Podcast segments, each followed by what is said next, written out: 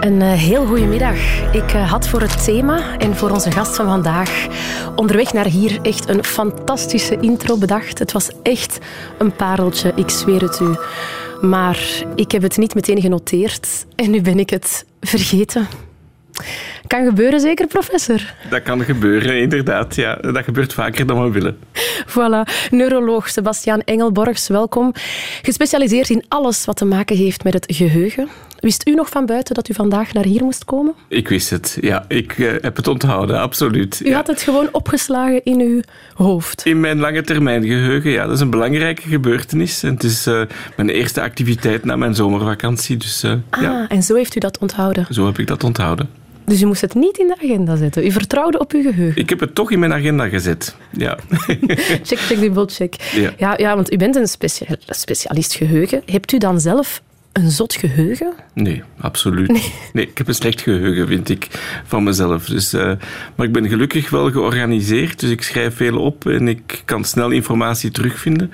Maar ik heb zeker geen absoluut geheugen, nee. Maar u hebt wel alle tips en tricks om ermee om te gaan. Een goed of slecht geheugen. Een uur lang weet ik veel over het geheugen. Fijn dat u luistert. Hey, hey. Radio 1. Weet ik veel? Staande aan een graf. Voor mij ben je pas gestorven. Wanneer ik je vergeten ben. Rust zacht, lieve.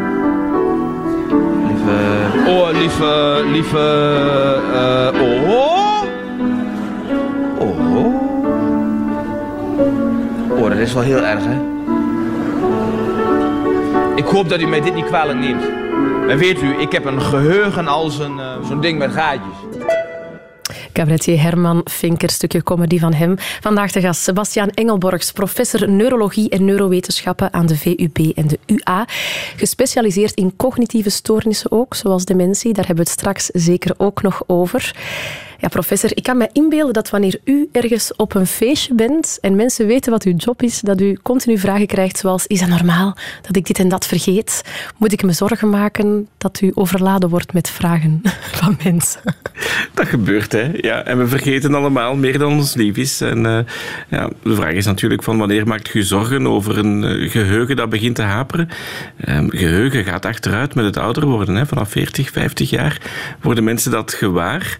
Ook aandacht gaat achteruit. En aandacht heb je absoluut nodig om nieuwe informatie in je geheugen, in je permanent geheugen weg te schrijven. Dus eigenlijk dingen niet onthouden kan ook gewoon te maken hebben met het feit dat je niet goed hebt Absoluut, ja. Aandacht is verschrikkelijk belangrijk voor een goed werkend geheugen. Um, en met het ouder worden gaat de, het verdelen van de aandacht minder goed. Twee dingen tegelijk doen, multitasken, wordt moeilijker als mensen ouder worden. Uh, maar ook uw aandacht volhouden, uh, dus u op één taak richten en dat kunnen volhouden, dat wordt, uh, die aandachtspannen wordt korter als mensen ouder worden. Dus dat is een normaal, dat is eigen aan het normale verouderingsproces van het brein. En het is belangrijk om daar rekening mee te houden. Maar als ik u nu zeg, want ik ben 31, als ik u nu zeg van, amai, ik vergeet veel, ik kan bijna niks onthouden, dan is het misschien wel zorgwekkender dan als iemand van dubbel zo oud dat zegt. Kan zorgwekkend zijn, tenzij dat iemand in een heel stresserende periode van zijn leven zit of heel erg druk uh, is, professioneel, aan vakantie toe is. Dat zijn allemaal omstandigheden om meer te vergeten dan als je uitgerust uh, van vakantie terugkomt uh, en helemaal je batterijen hebt opgeladen. Voilà, zoals u momenteel. Ja, allemaal super interessant om nog dieper op in te gaan, maar laten we misschien beginnen bij het begin. Want het geheugen, wat is dat precies? Dat is een moeilijke vraag. Ik had mij aan niks anders verwacht natuurlijk tijdens deze uitzending. Bij geheugen, het gaat erom dat je nieuwe feiten wegschrijft in je permanent geheugen en dat op, na de rand ook op, opnieuw kunt oprakelen om met, die, om met die kennis iets te gaan doen of dat, die kennis te gaan verkondigen. Natuurlijk, die informatie moet in je geheugen geraken en dat is al een eerste hinderpaal. Daarvoor heb je aandacht nodig, zoals gezegd, maar ook interesse en motivatie en goed werkende zintuigen zorgen. Uh, want je kunt wel denken van ik heb een boodschap gegeven aan iemand anders en die persoon, als die persoon het niet hoort omdat die hardhorig wordt met het ouder worden, ja, dan kan die informatie ook niet in het geheugen geraken en dan lijkt het alsof die persoon die informatie vergeten is, maar die informatie is nooit in het geheugen geraakt. Dus dat is wel een eerste belangrijke als oudere mensen op een geheugenconsultatie komen met aanmelding van uh, meneer of mevrouw vergeet veel. Ja, hoe zit het met de zintuigen? Ja. Dat is een heel belangrijke. Dus eigenlijk, onthouden heeft met heel veel dingen te maken. Absoluut, ja. ja. Zintuigen, aandacht, eh, maar ook interesse en motivatie. Als eh, bepaalde informatie u zeer interesseert, ehm, dan gaat je dat veel gemakkelijker opslaan in je geheugen. Ehm, als je een cursus moet blokken van een vak dat je mhm. eigenlijk niet zo leuk vindt, eh, het is nu volop tweede zit, ehm, dan kost dat veel meer moeite. Dus interesse en motivatie zijn ook zeer belangrijke factoren. Logisch eigenlijk, eigenlijk ergens. Maar um, even over die, die, die, het geheugen zelf. Want je zegt, je slaat het op in het geheugen, bijna als een soort van harde schijf van, van je brein of zo. Maar waar situeert het zich in? Je hoofd. Ja, je hebt verschillende delen hè, van dat geheugen. Je hebt in eerste instantie een korte termijn geheugen, waar je informatie kortstondig kunt vasthouden. En ook de capaciteit van dat korte termijn geheugen is heel beperkt.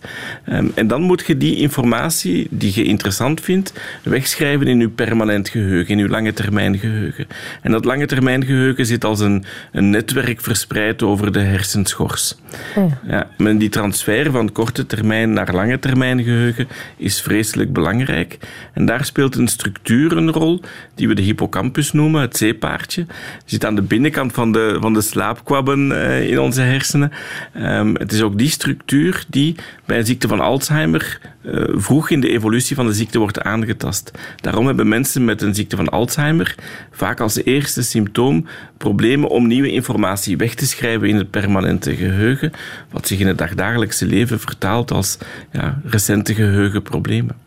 Wel, nog even over dat, dat korte en lange termijn en dat recente en, en minder recente geheugen. Want wat is het exacte verschil dan? Kan u daar een, een, een voorbeeld voor geven? Korte termijn is wat ik gisteren heb gegeten, bijvoorbeeld. dat zit dan al in uw permanent geheugen op dat ah, moment. Hè? Ja. Ah, ja. ja. Ah ja, omdat we al een dag later zijn, dat is al lange termijn. Dat is al lange termijn, ja. Um, binnen een week ga ik het wel niet meer weten. Nee, dat kan, ja. Ah. Tenzij dat het een heel uh, bijzondere maaltijd was. um, maar um, korte termijn geheugen, een typisch voorbeeld toen we nog vaste telefoontoestellen hadden en telefoongidsen.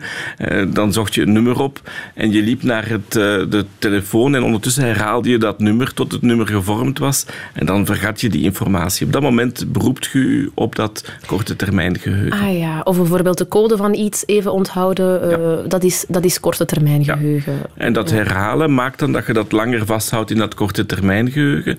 Als die informatie echt relevant en, belangrijk is, dan vergroot je op die manier ook de kans dat je dat gaat wegschrijven in je permanent geheugen. Oké. En dingen als ik heb een goed of slecht geheugen, dat is dus eigenlijk wel een ding. En dan is dat bij beiden het geval. Of heeft het, kan het ene goed zijn en het andere minder goed? En, um, een goed geheugen is ook een stuk aanleg uiteraard. Je hebt mensen die een heel visueel geheugen hebben, die bijvoorbeeld bij wijze van spreken de pagina van een cursus letterlijk voor hun zien en, en op die manier een antwoord genereren. Mensen, andere mensen hebben eerder een auditief geheugen dan een visueel geheugen. Denk dat ik zelf in die tweede categorie zit. Ik moest bijvoorbeeld luidop studeren en, en zaken lezen en dat vergemakkelijkte dan um, het opslaan van die informatie in mijn permanent geheugen. Um, je hebt ook mensen met een absoluut geheugen, die dus eigenlijk heel veel details um, van een heleboel feiten en gebeurtenissen kunnen onthouden. Um, zolang dat uw brein zich in een, in een uh, harmonische wijze ontwikkelt, is dat eigenlijk niet zo'n probleem. Um, maar mensen met een absoluut geheugen kunnen soms ook wel eens een, minder goed eh, ontwikkeld emotioneel brein hebben, hebben daar dan eigenlijk ook wel tekorten. Um, dus Zoals, geef eens een voorbeeld. Bijvoorbeeld mensen met een autisme-spectrumstoornis. Sommige mensen met een autisme-spectrumstoornis hebben... Uh, zeer bijzondere analytische kwaliteiten of kunnen enorm veel details onthouden. Uh, maar anderzijds uh, is hun emotionele brein dan anders, wat minder ontwikkeld uh, dan bij andere mensen.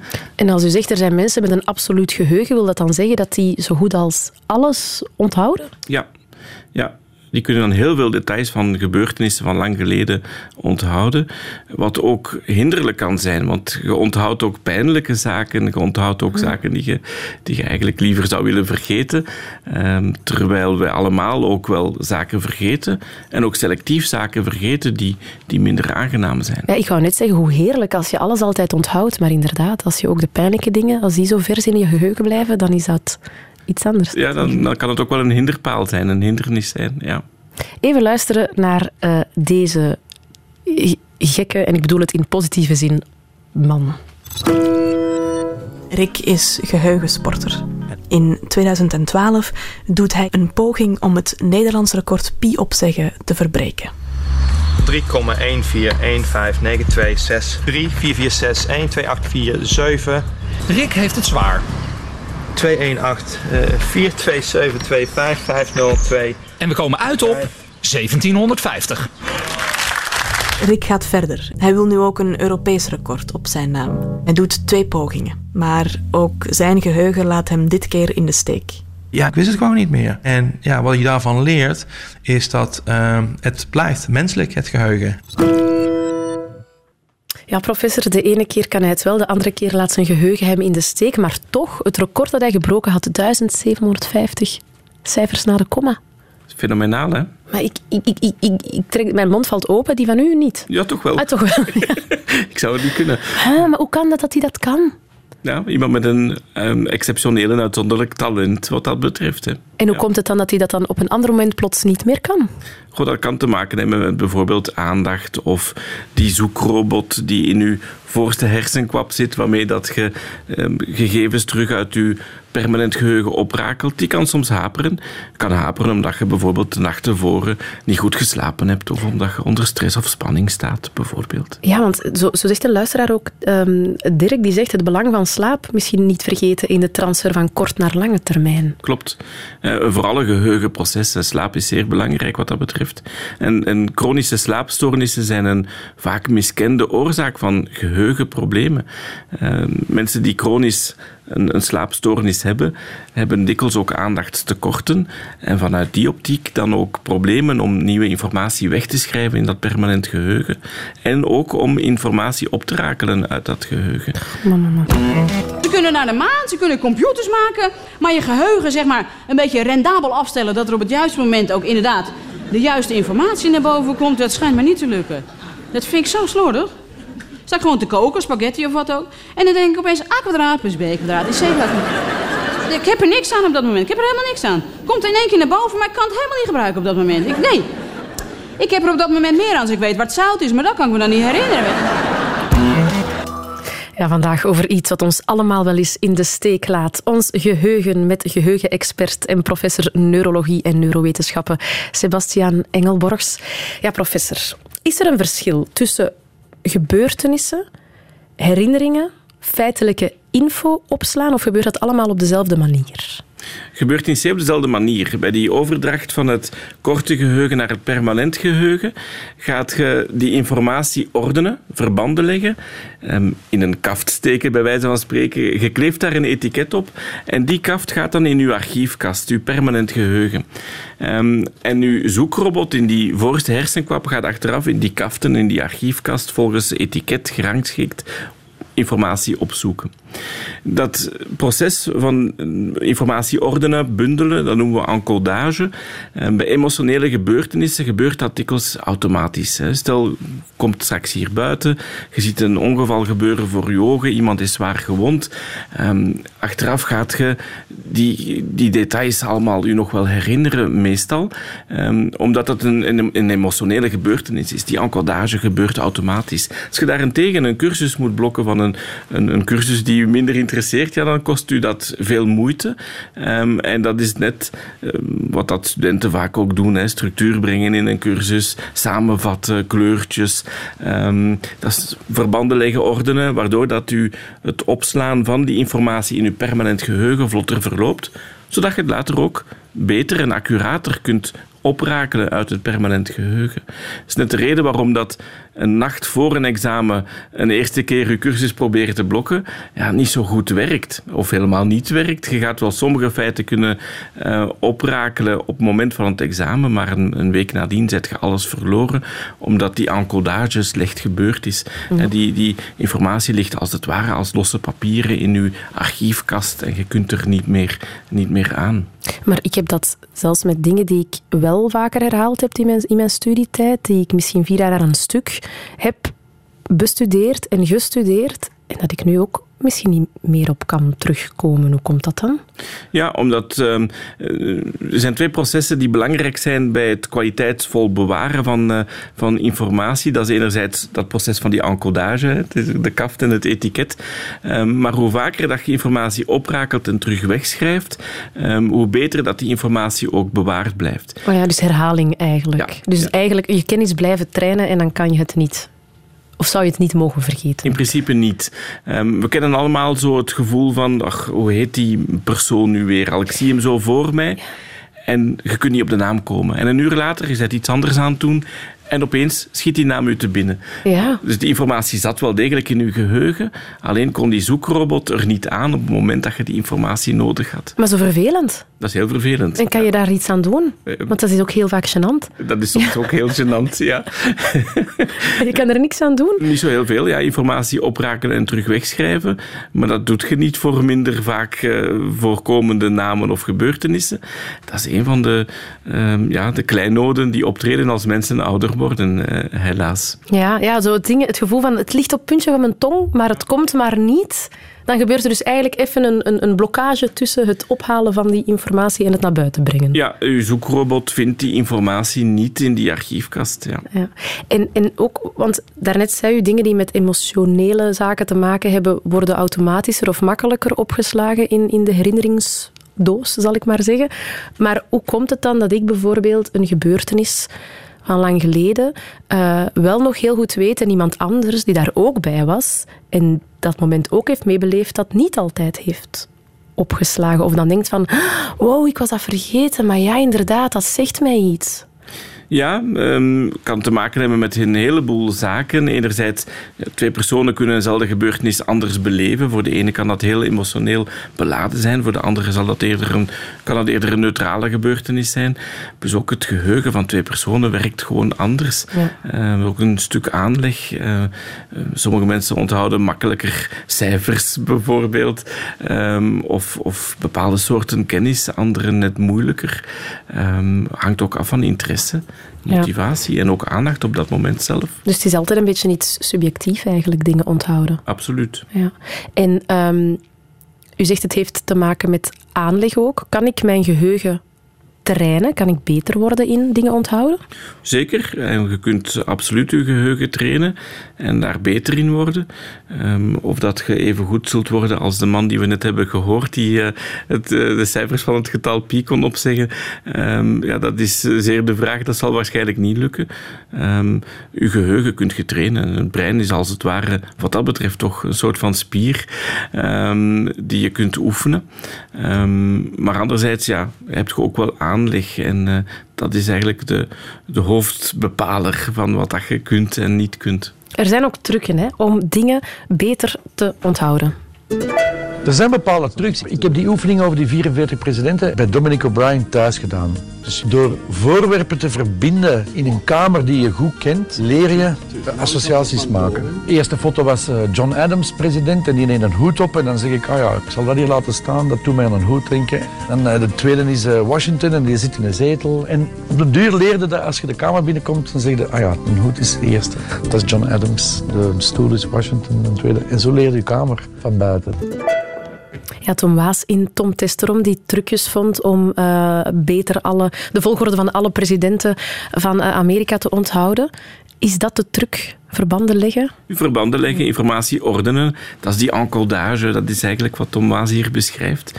Op die manier kun je ook ogenschijnlijk zinloze informatie ehm, toch opslaan in je geheugen en achteraf dan reproduceren. Maar ook daar helpen die associaties om het even op te slaan. Maar ondertussen weet ik niet of Tom al die presidenten nog kan opsommen in, in volgorde. Nee, dat, uh, daar zou ik ook aan twijfelen, eerlijk gezegd. Uh, tenzij dat hij dat regelmatig opnieuw geoefend heeft, sedert die natuurlijk.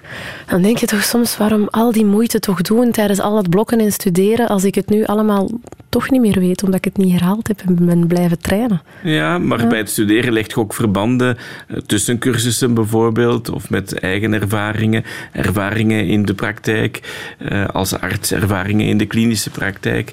Um, dus studeren en leren is meer dan alleen maar een cursusblokken. Het is ook het leggen van verbanden. Radio 1.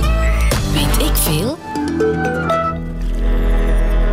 Voor het geval u het vergeten was, vandaag de gast Sebastiaan Engelborgs over het geheugen. Professor, vanaf welke leeftijd beginnen we eigenlijk met herinneringen opslaan? Heel vroeg eigenlijk. Hè. Baby's uh, kunnen ook al herinneringen opslaan. Een baby legt al snel het verband tussen huilen en aandacht krijgen. Uh, dat is de, de basis, basismechanisme van, van leren. Hè. Dat is conditionering. Twee prikkels met elkaar verbinden. Um, maar dat soort informatie, of echte herinneringen opslaan in je permanent geheugen, dat kan pas meestal vanaf een jaar of drie à vier. Dat heeft te maken met de ontwikkeling van, uh, van het brein. Um, hersencellen hebben lange uitlopers en de prikkelgeleiding, de elektrische prikkelgeleiding door die uitlopers verloopt pas goed als er een isolatieschede rond die uitlopers is gemaakt. En dat is de myelineschede die eigenlijk al die zenuwuitlopers uh, omgeeft heeft. Pas dan verloopt die prikkelgeleiding door die zenuwen en door het breinnetwerk goed. En uh, die myelinisatie die treedt op na de geboorte. In het eerste jaar, levensjaar, boekt je veel winst. Maar vanaf een leeftijd van drie à vier jaar is die myelinisatiegraad van het brein, zoals we dat dan noemen, uh, voldoende ontwikkeld om echt herinneringen voor een langere termijn op te slaan. Dus eigenlijk als ik zeg, ik weet nog iets van toen ik twee jaar was, of van voor mijn derde levensjaar, dan, dan kan dat eigenlijk niet. Misschien kan dat wel, maar dat is toch zeer uitzonderlijk. Een twee- of driejarige zal zich wel nog herinneren dat bijvoorbeeld de grootouders op bezoek waren het weekend voordien. Maar dat is dan een herinnering die je niet voor de rest van je dagen gaat meedragen. Ja. Na een paar weken is die uh, herinnering verdwenen. En dat heeft te maken met die myelinisatiegraad van het brein. Ja. Moeilijk, moeilijk woord. Ja. ja. maar dus eigenlijk dingen die we als volwassenen nog weten vanuit onze kindertijd, dat moeten dan dingen zijn van na ons derde levensjaar. Meestal wel, ja. Um, kan je bij baby's ook het geheugen al, al, al trainen? Kan je bijvoorbeeld, als je wil dat je kind veel zal onthouden later, bepaalde dingen doen om dat geheugen te trainen? Dat kun je, dat kun je ja. En dat doen we eigenlijk ook hè, met, uh, met baby's, door te spelen met baby's. En je kunt bijvoorbeeld een baby uh, of een zuigeling uh, of een, een, peuter leren van oké, dat is categorie groenten en dat is categorie vervoersmiddelen door blokjes of, of speelgoed aan te bieden. op die manier zet je eigenlijk al een, een stuk geheugen aan het opbouwen, die basiskennis, het semantisch geheugen zoals we dat dan noemen, zet je op dat moment al aan het opbouwen. Ja. Er, is, er komen veel luisteraars binnen, luisteraarsvragen binnen met dezelfde vraag. Blijkbaar hebben mensen het allemaal hetzelfde probleem, namelijk namen onthouden van mensen. Veel mensen vragen, bestaat er een manier om beter namen te onthouden? Ja, veel oefenen en namen oprakelen en terug wegschrijven in je permanent geheugen. Maar voor mensen die je maar af en toe ziet of die je al lang niet meer hebt gezien, is dat eigenlijk een onmogelijk gegeven. Dus ik denk dat het iets is waar we allemaal mee, mee worstelen. Aanvaarden dat het zo is gewoon. Aanvaarden dat dat moeilijk is. En misschien ja. gewoon eerlijk zeggen, sorry, mijn geheugen laat mij in de steek, maar ik ben uw naam vergeten. Dat is uh, dikwijls nog de makkelijkste en de eerlijkste oplossing, denk ik, ja. Maar in verband met dat vergeten, hè, hoe komt het eigenlijk dat wij dingen vergeten? Ja, een eerste vraag die zich stelt is: is de informatie wel degelijk in het brein terechtgekomen? Ja. Um, aandacht, interesse, motivatie spelen daar een heel grote rol, zintuigen ook. Dat is een eerste zaak om na te kijken. Um, en bijvoorbeeld op geheugenconsultaties hoort je soms tafereelen van allee, alles wat ik tegen mijn man zeg, dat onthoudt hij niet, maar de voetbaluitslagen kent hij wel. Uh, dat heeft te maken met interesse, motivatie en aandacht hoogstwaarschijnlijk. Um, maar anderzijds, de informatie die je wegschrijft, ja, soms gaat die ook daadwerkelijk verloren. Um, en dat gaat vaker uh, zo zijn als die encodage, het leggen van verbanden en het ordenen van informatie minder goed verlopen is. Of als die informatie al lang in je permanent geheugen zit en als je die sindsdien niet meer hebt opgerakeld en terug hebt weggeschreven, um, dan kan het inderdaad zijn dat je moeilijker aan die informatie komt, terwijl dat hier misschien wel nog zit hè, in uw archiefkast. Want als iemand u zegt van, ah, je weet dat niet meer, maar jawel, je weet dat wel nog, want we zaten toen daar en daar op dat terras en daar heb ik u dat verteld. Och ja, nu schiet het mij te binnen. Die informatie was er dus nog wel, maar uw zoekrobot in die voorste hersenkwap kon er op dat moment niet aan. Dus dat lijkt dan alsof dat je die informatie vergeten waart, maar eigenlijk was die wel nog beschikbaar. Maar soms ben je dingen toch ook echt vergeten. Ik denk maar aan een, een blackout na een overdreven alcoholconsumptie. Daar heb je dingen meegemaakt. De volgende weet je er niks meer van. Hoe, hoe, komt dat? Ja, dus middelenmisbruik of alcohol maakt dat er op dat moment niks meer kan worden weggeschreven in dat uh, geheugen. Dus die informatie is nooit in het geheugen geweest. Je bent het dus ook niet vergeten, als het ware. Ondanks dat je het hebt meegemaakt en beleefd hebt, ja. heb je het eigenlijk niet opgeslaan. Ja, inderdaad. En, en slaappillen, hebben die ook een effect op het, uh, op het geheugen? Absoluut. Uh, dus uh, de klassieke slaappillen, de benzodiazepines, maken dat je minder goed informatie kunt opslaan in dat geheugen. Zijn vanuit die optiek ook slecht voor het geheugen. Plus er zijn aanwijzingen dat als je chronisch dat soort informatie, dat soort medicatie bedoel ik, neemt, dat je ook je dementierisico iets vergroot. Dus het is eigenlijk niet goed om, om dat soort medicatie, zeker niet op chronische basis, te nemen. Nee. Ik, ik heb ook zo um, af en toe gehoord van vriendinnen die, die zwanger zijn of, of net bevallen, dat die ook zoiets hebben als een mommy brain noemen zij dat dan, dat die dan ook veel meer vergeten of toch veel minder onthouden wat hen gezegd wordt. Is dat iets of is het gewoon een excuus dat ze gebruiken? Nee, dat, dat komt inderdaad voor. Hè. En, uh, in de volksmond spreekt men dan van zwangerschapsdementie. Dat is een heel veel te negatieve term, want het heeft niks met dementie te maken. Uh, maar je mocht niet vergeten dat een, een zwangerschap is... Ja, er verandert heel veel hè, in het lichaam van een zwangere vrouw. Um, plus, als de zwangerschap meer gevorderd is, slaapt je ook slechter dat alleen al is al uh, voldoende reden om minder goed uh, te gaan onthouden. Uh, dus dat bestaat inderdaad, maar dat is omkeerbaar. Hè. Na de bevalling herstelt dat geheugen en die aandacht zich opnieuw. Luisteraar Patrick die zegt: Ik kan geen namen en gezichten onthouden. Soms herken ik mijn eigen kinderen niet op oude foto's. Voor de rest werkt mijn geheugen vrij goed, denk ik. Zijn er nog mensen met zo'n probleem? Dat heb ik nog niet gehoord. Uh, ja, dus uh, uw eigen kinderen op oude foto's niet herkennen is, uh, ja, is, is vreemd. Tenzij dat je een bepaalde stoornis hebt, waardoor dat je inderdaad gezichten uh, niet kunt koppelen aan andere um, informatie in het brein, aan andere geheugeninformatie. Wat wel eens voorkomt bij mensen die een beroerte hebben gehad, bijvoorbeeld. Um, maar nou, het is toch iets uitzonderlijks. Radio 1. Weet ik veel? En wat moet je dan vandaag gaan doen? Niets. Niets? Je zou toch vandaag boodschappen doen? Oeh, dat was ik vergeten. Zeg maar op, wat moet ik halen? Nou, schrijf op. Nee, dat hoeft niet. Ik onthoud het wel in mijn koppetje. Oké. Okay. Een fles melk. Een pond kaas. Vijf kilo aardappelen. En een brood. Ik heb het allemaal in mijn koppetje. Ben zo. Oké. Okay. Wat een lekker ijsje. Waar zijn de andere boodschappen? Oh, die ben ik vergeten. Leuk stukje, Bassie en Adriaan. Vandaag over het geheugen nog steeds met professor neurologie en neurowetenschappen Sebastian Engelborgs. Ondertussen weet ik al dat ons geheugen achteruit gaat met de leeftijd. Vanaf wanneer moet je je eigenlijk beginnen zorgen maken over je vergeetachtigheid? Dat is een heel moeilijke vraag. Hè? Want eh, ja, wanneer moet je zorgen maken als, je, eh, als je geheugen, als je hogere hersenfuncties echt achteruit gaan ten opzichte van je vorig niveau van functioneren? Um, ik ben af en toe wel eens verstrooid als ik op het werk kom en ik parkeer mijn wagen en dan s'avonds wil ik mijn wagen oppikken en dan heb ik zoiets van waar had ik hem nu weer gezet? Dat overkomt mij al tien jaar. Um, maar als je dat nooit voorgehad hebt um, en dat komt op, eh, dat treedt op rond de leeftijd van 70, 80 jaar, dan is dat wel iets om, uh, om waakzaam voor te zijn. Zeker ook als andere mensen in je omgeving het opmerken en zeker ook als je in de problemen komt door het vergeten. Hè. Bijvoorbeeld, je krijgt een rappel voor een betaling um, van de bank um, of je vergeet afspraken terwijl dat je vroeger altijd heel punctueel waart.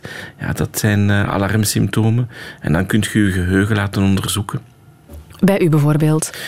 Dan laten we een neuropsychologisch onderzoek doen. Dus een neuropsycholoog gaat dan um, aandacht, geheugen, rekenen, taal, al die hogere hersenfuncties testen. Um, en dan kunnen we die score van die bepaalde persoon vergelijken met wat normaal is voor leeftijd en opleidingsniveau.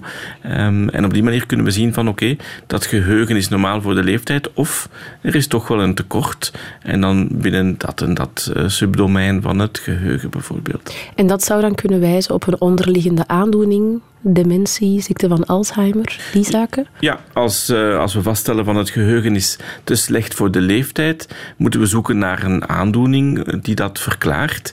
Uiteraard moet je dan zaken zoals um, stemming en slaap ook nakijken, maar als uh, die allemaal normaal zijn, dan moet je gaan kijken naar de hersenen zelf en zit er daar een, is er daar een, een hersenziekte bezig die, die geheugenproblemen kan veroorzaken. En dan komt de ziekte van Alzheimer in, in de picture Ja, en, want de ziekte van Alzheimer is één vorm van dementie. Is dementie een, een soort van overkoepelende term voor verschillende aandoeningen? Of, of hoe zit dat precies? Ja, dat wordt vaak verward. Klopt, ja, ja, ja. Dementie is een paraplu-term. En onder die paraplu zitten verschillende hersenziekten. Um, en Alzheimer is in onze contrée de meest voorkomende hersenziekte die dementie veroorzaakt. Alzheimer kunnen we tegenwoordig ook al vaststellen nog voor het dementiestadium bereikt is. Dus niet iedereen met Alzheimer heeft dementie. En niet iedereen met dementie heeft ook Alzheimer. Um, maar inderdaad, dementie is een paraplu-term. Dus je kan eigenlijk al, kan je dat al zien op, op, op scans van mensen, wie, wie er mogelijk dement zal worden of de ziekte van Alzheimer zal krijgen? Zie je dat aan die hersenen? Dat is eigenlijk voorwerp voor wetenschappelijk onderzoek. Mensen die een normaal neuropsychologisch onderzoek hebben en die dus een normaal geheugen hebben voor de leeftijd. Um, stel dat we daar zo'n amyloïdscan of een ruggenprik gaan doen om die eiwitstapeling in de hersenen op te sporen. Ja, dat zijn mensen die een verhoogd risico hebben om later symptomen te gaan krijgen van Alzheimer. Uh, maar dat is niet iets wat we doen in de routine klinische praktijk. Dat soort biomarkeronderzoeken doen we op dit moment alleen maar bij mensen die echte geheugenproblemen hebben op dat neuropsychologisch onderzoek. Dus ik kan niet naar u komen en vragen, kan u eens kijken naar mijn hersenen of ik kans maak op dementie? Eh, dat kunt u doen. Ah, ja. En dan gaan we starten met een neuropsychologisch onderzoek. Gezien uw leeftijd is de kans heel klein uiteraard dat het zou gaan om een ziekte van Alzheimer. Maar op later, zou ik nu al kunnen zien of ik het op latere leeftijd zou kunnen krijgen en er dan dingen aan proberen doen om het een beetje uit te stellen of te vermijden? Dat is iets waar het wetenschappelijk onderzoek mee bezig is, waar we mee bezig zijn. Eh, kijken of dat we dat kunnen gaan voorspellen op basis van dat soort biomarkeronderzoeken. Maar dat staat in de kinderschoenen, dus dat kunnen we nog niet gebruiken in de routine klinische praktijk. Ja, want je hoort soms dat je wel dingen kan doen om het uit te stellen of om het te vermijden. Zoals ik heb eens opgevangen dat dansen heel goed zou zijn. Uh, om de ziekte van Alzheimer tegen te gaan? Dat er nog die, niet roken en zo ook zou helpen om het geheugen fit te houden? Kloppen al die dingen of zijn dat fabeltjes? En, dat klopt zeker. Dus als je genetisch geprogrammeerd bent om bijvoorbeeld een ziekte van Alzheimer te krijgen, dan kun je die aanvangsleeftijd wel uitstellen door gezond te leven, wat ook inhoudt lichaamsbeweging, niet roken, matig alcoholgebruik, gezond eten enzovoort en. Dus dat klopt ten dele. Um, je gaat de aanvangsleeftijd wat kunnen uitstellen, het proces wat kunnen vertragen, maar je gaat het wellicht niet kunnen afstellen uh, als je genetisch geprogrammeerd bent om de ziekte te krijgen. Er zijn heel wat vragen van luisteraars. eh, ook daarover, hè, over dementie en Alzheimer. Er is iemand die zegt bijvoorbeeld: Mijn moeder gaat op restaurant. Bij thuiskomst weet ze niet meer wat ze gegeten heeft. Ze wordt 91 in september. Wat kan ik best doen? Dat is een moeilijke vraag en een veel voorkomende vraag. Ik zou in eerste instantie vragen, eh, dat haperend recente geheugen, want daar wijst dit wel op, komt dat ook onder andere omstandigheden voor? Ehm, en dan moet je je afvragen van oké, ja, dit kan een alarmsymptoom zijn van een ziekte van Alzheimer, maar is het nuttig om die diagnose te stellen bij die persoon? Als die persoon voor de rest volledig zelfstandig leeft en woont met een licht haperend recente geheugen, ehm, is het misschien niet zo relevant om een diagnose van Alzheimer te gaan stellen. Ten meer omdat we op dit moment nog niet de medicijnen hebben om de ziekte echt te gaan stoppen. Er is ook iemand die vraagt: Kan de lockdown de progressie van Alzheimer beïnvloeden? Absoluut. Ehm, dus de lockdown, sociale isolatie, minder prikkels, eh, heeft geleid tot een, een versnelde achteruitgang ehm, bij personen met Alzheimer en dementie. Dat is iets wat we allemaal in de klinische praktijk ook hebben vastgesteld, helaas. Ja. Katrien vraagt: Kan een psychisch trauma voor geheugenproblemen zorgen? En kan bijvoorbeeld pianospelen helpen bij genezing door verbinding tussen de hersenhelften te verbeteren? Psychisch trauma kan leiden tot allerlei neurologische uitval, kan ook leiden tot geheugenproblemen. Dat is een ander mechanisme van vergeten dan bij Alzheimer, uiteraard. Ehm, kan pianospelen helpen? Ja, Eh, maar elke intellectuele activiteit gaat kunnen helpen eh, om eh, het geheugen in stand te houden of de achteruitgang te vertragen als mensen bijvoorbeeld een ziekte van Alzheimer hebben. Oh, professor, het is zo interessant. Ik heb nog duizend vragen en de luisteraars ook, maar we hebben nog maar anderhalve minuut. Dus ik zou zeggen, het is tijd om mijn geheugen te testen en dat we eens gaan luisteren wat de quiz zegt. Oké, ja. Weet ik veel. Doe maar. Wat gaat er met de leeftijd nog achteruit buiten het geheugen? Ah, eh, aandacht en concentratie. Absoluut. Ehm, het, de hippocampus is belangrijk voor het geheugen. Eh, hoe heet dat stukje van het brein in het Nederlands? De hippocampus. Ja. Oh, het, het zeepaardje. Absoluut, ja. Vanaf welke leeftijd kun je herinneringen opslaan? Eh, vanaf de leeftijd van drie, vier jaar. Ja, zeer goed. Ja. Ja. Kunnen zuigelingen al leren? Ja, ik merk het. Maar dit zegt alles, hè, deze quiz. Ja. Zeg Ja. maar. Kunnen zuigelingen leren? Kunnen zuigelingen... le- Je kan hen eh, ja, conditioneren en bepaalde dingen aanleren. Ja. Want- Absoluut. ja. Ja. zeer goed. En zijn slaappillen eh, goed of slecht voor het geheugen? Heel slecht. Vijf op vijf proficiat. Je ziet, de interesse en de motivatie waren enorm groot voor dit onderwerp. Hartelijk dank, professor Sebastiaan Engelborgs. Het was heel interessant en ik geef graag nog mee. Als je deze of andere uitzendingen van Weet ik Veel nog eens wil herbeluisteren, doe dat dan zeker via onze podcast. Radio 1.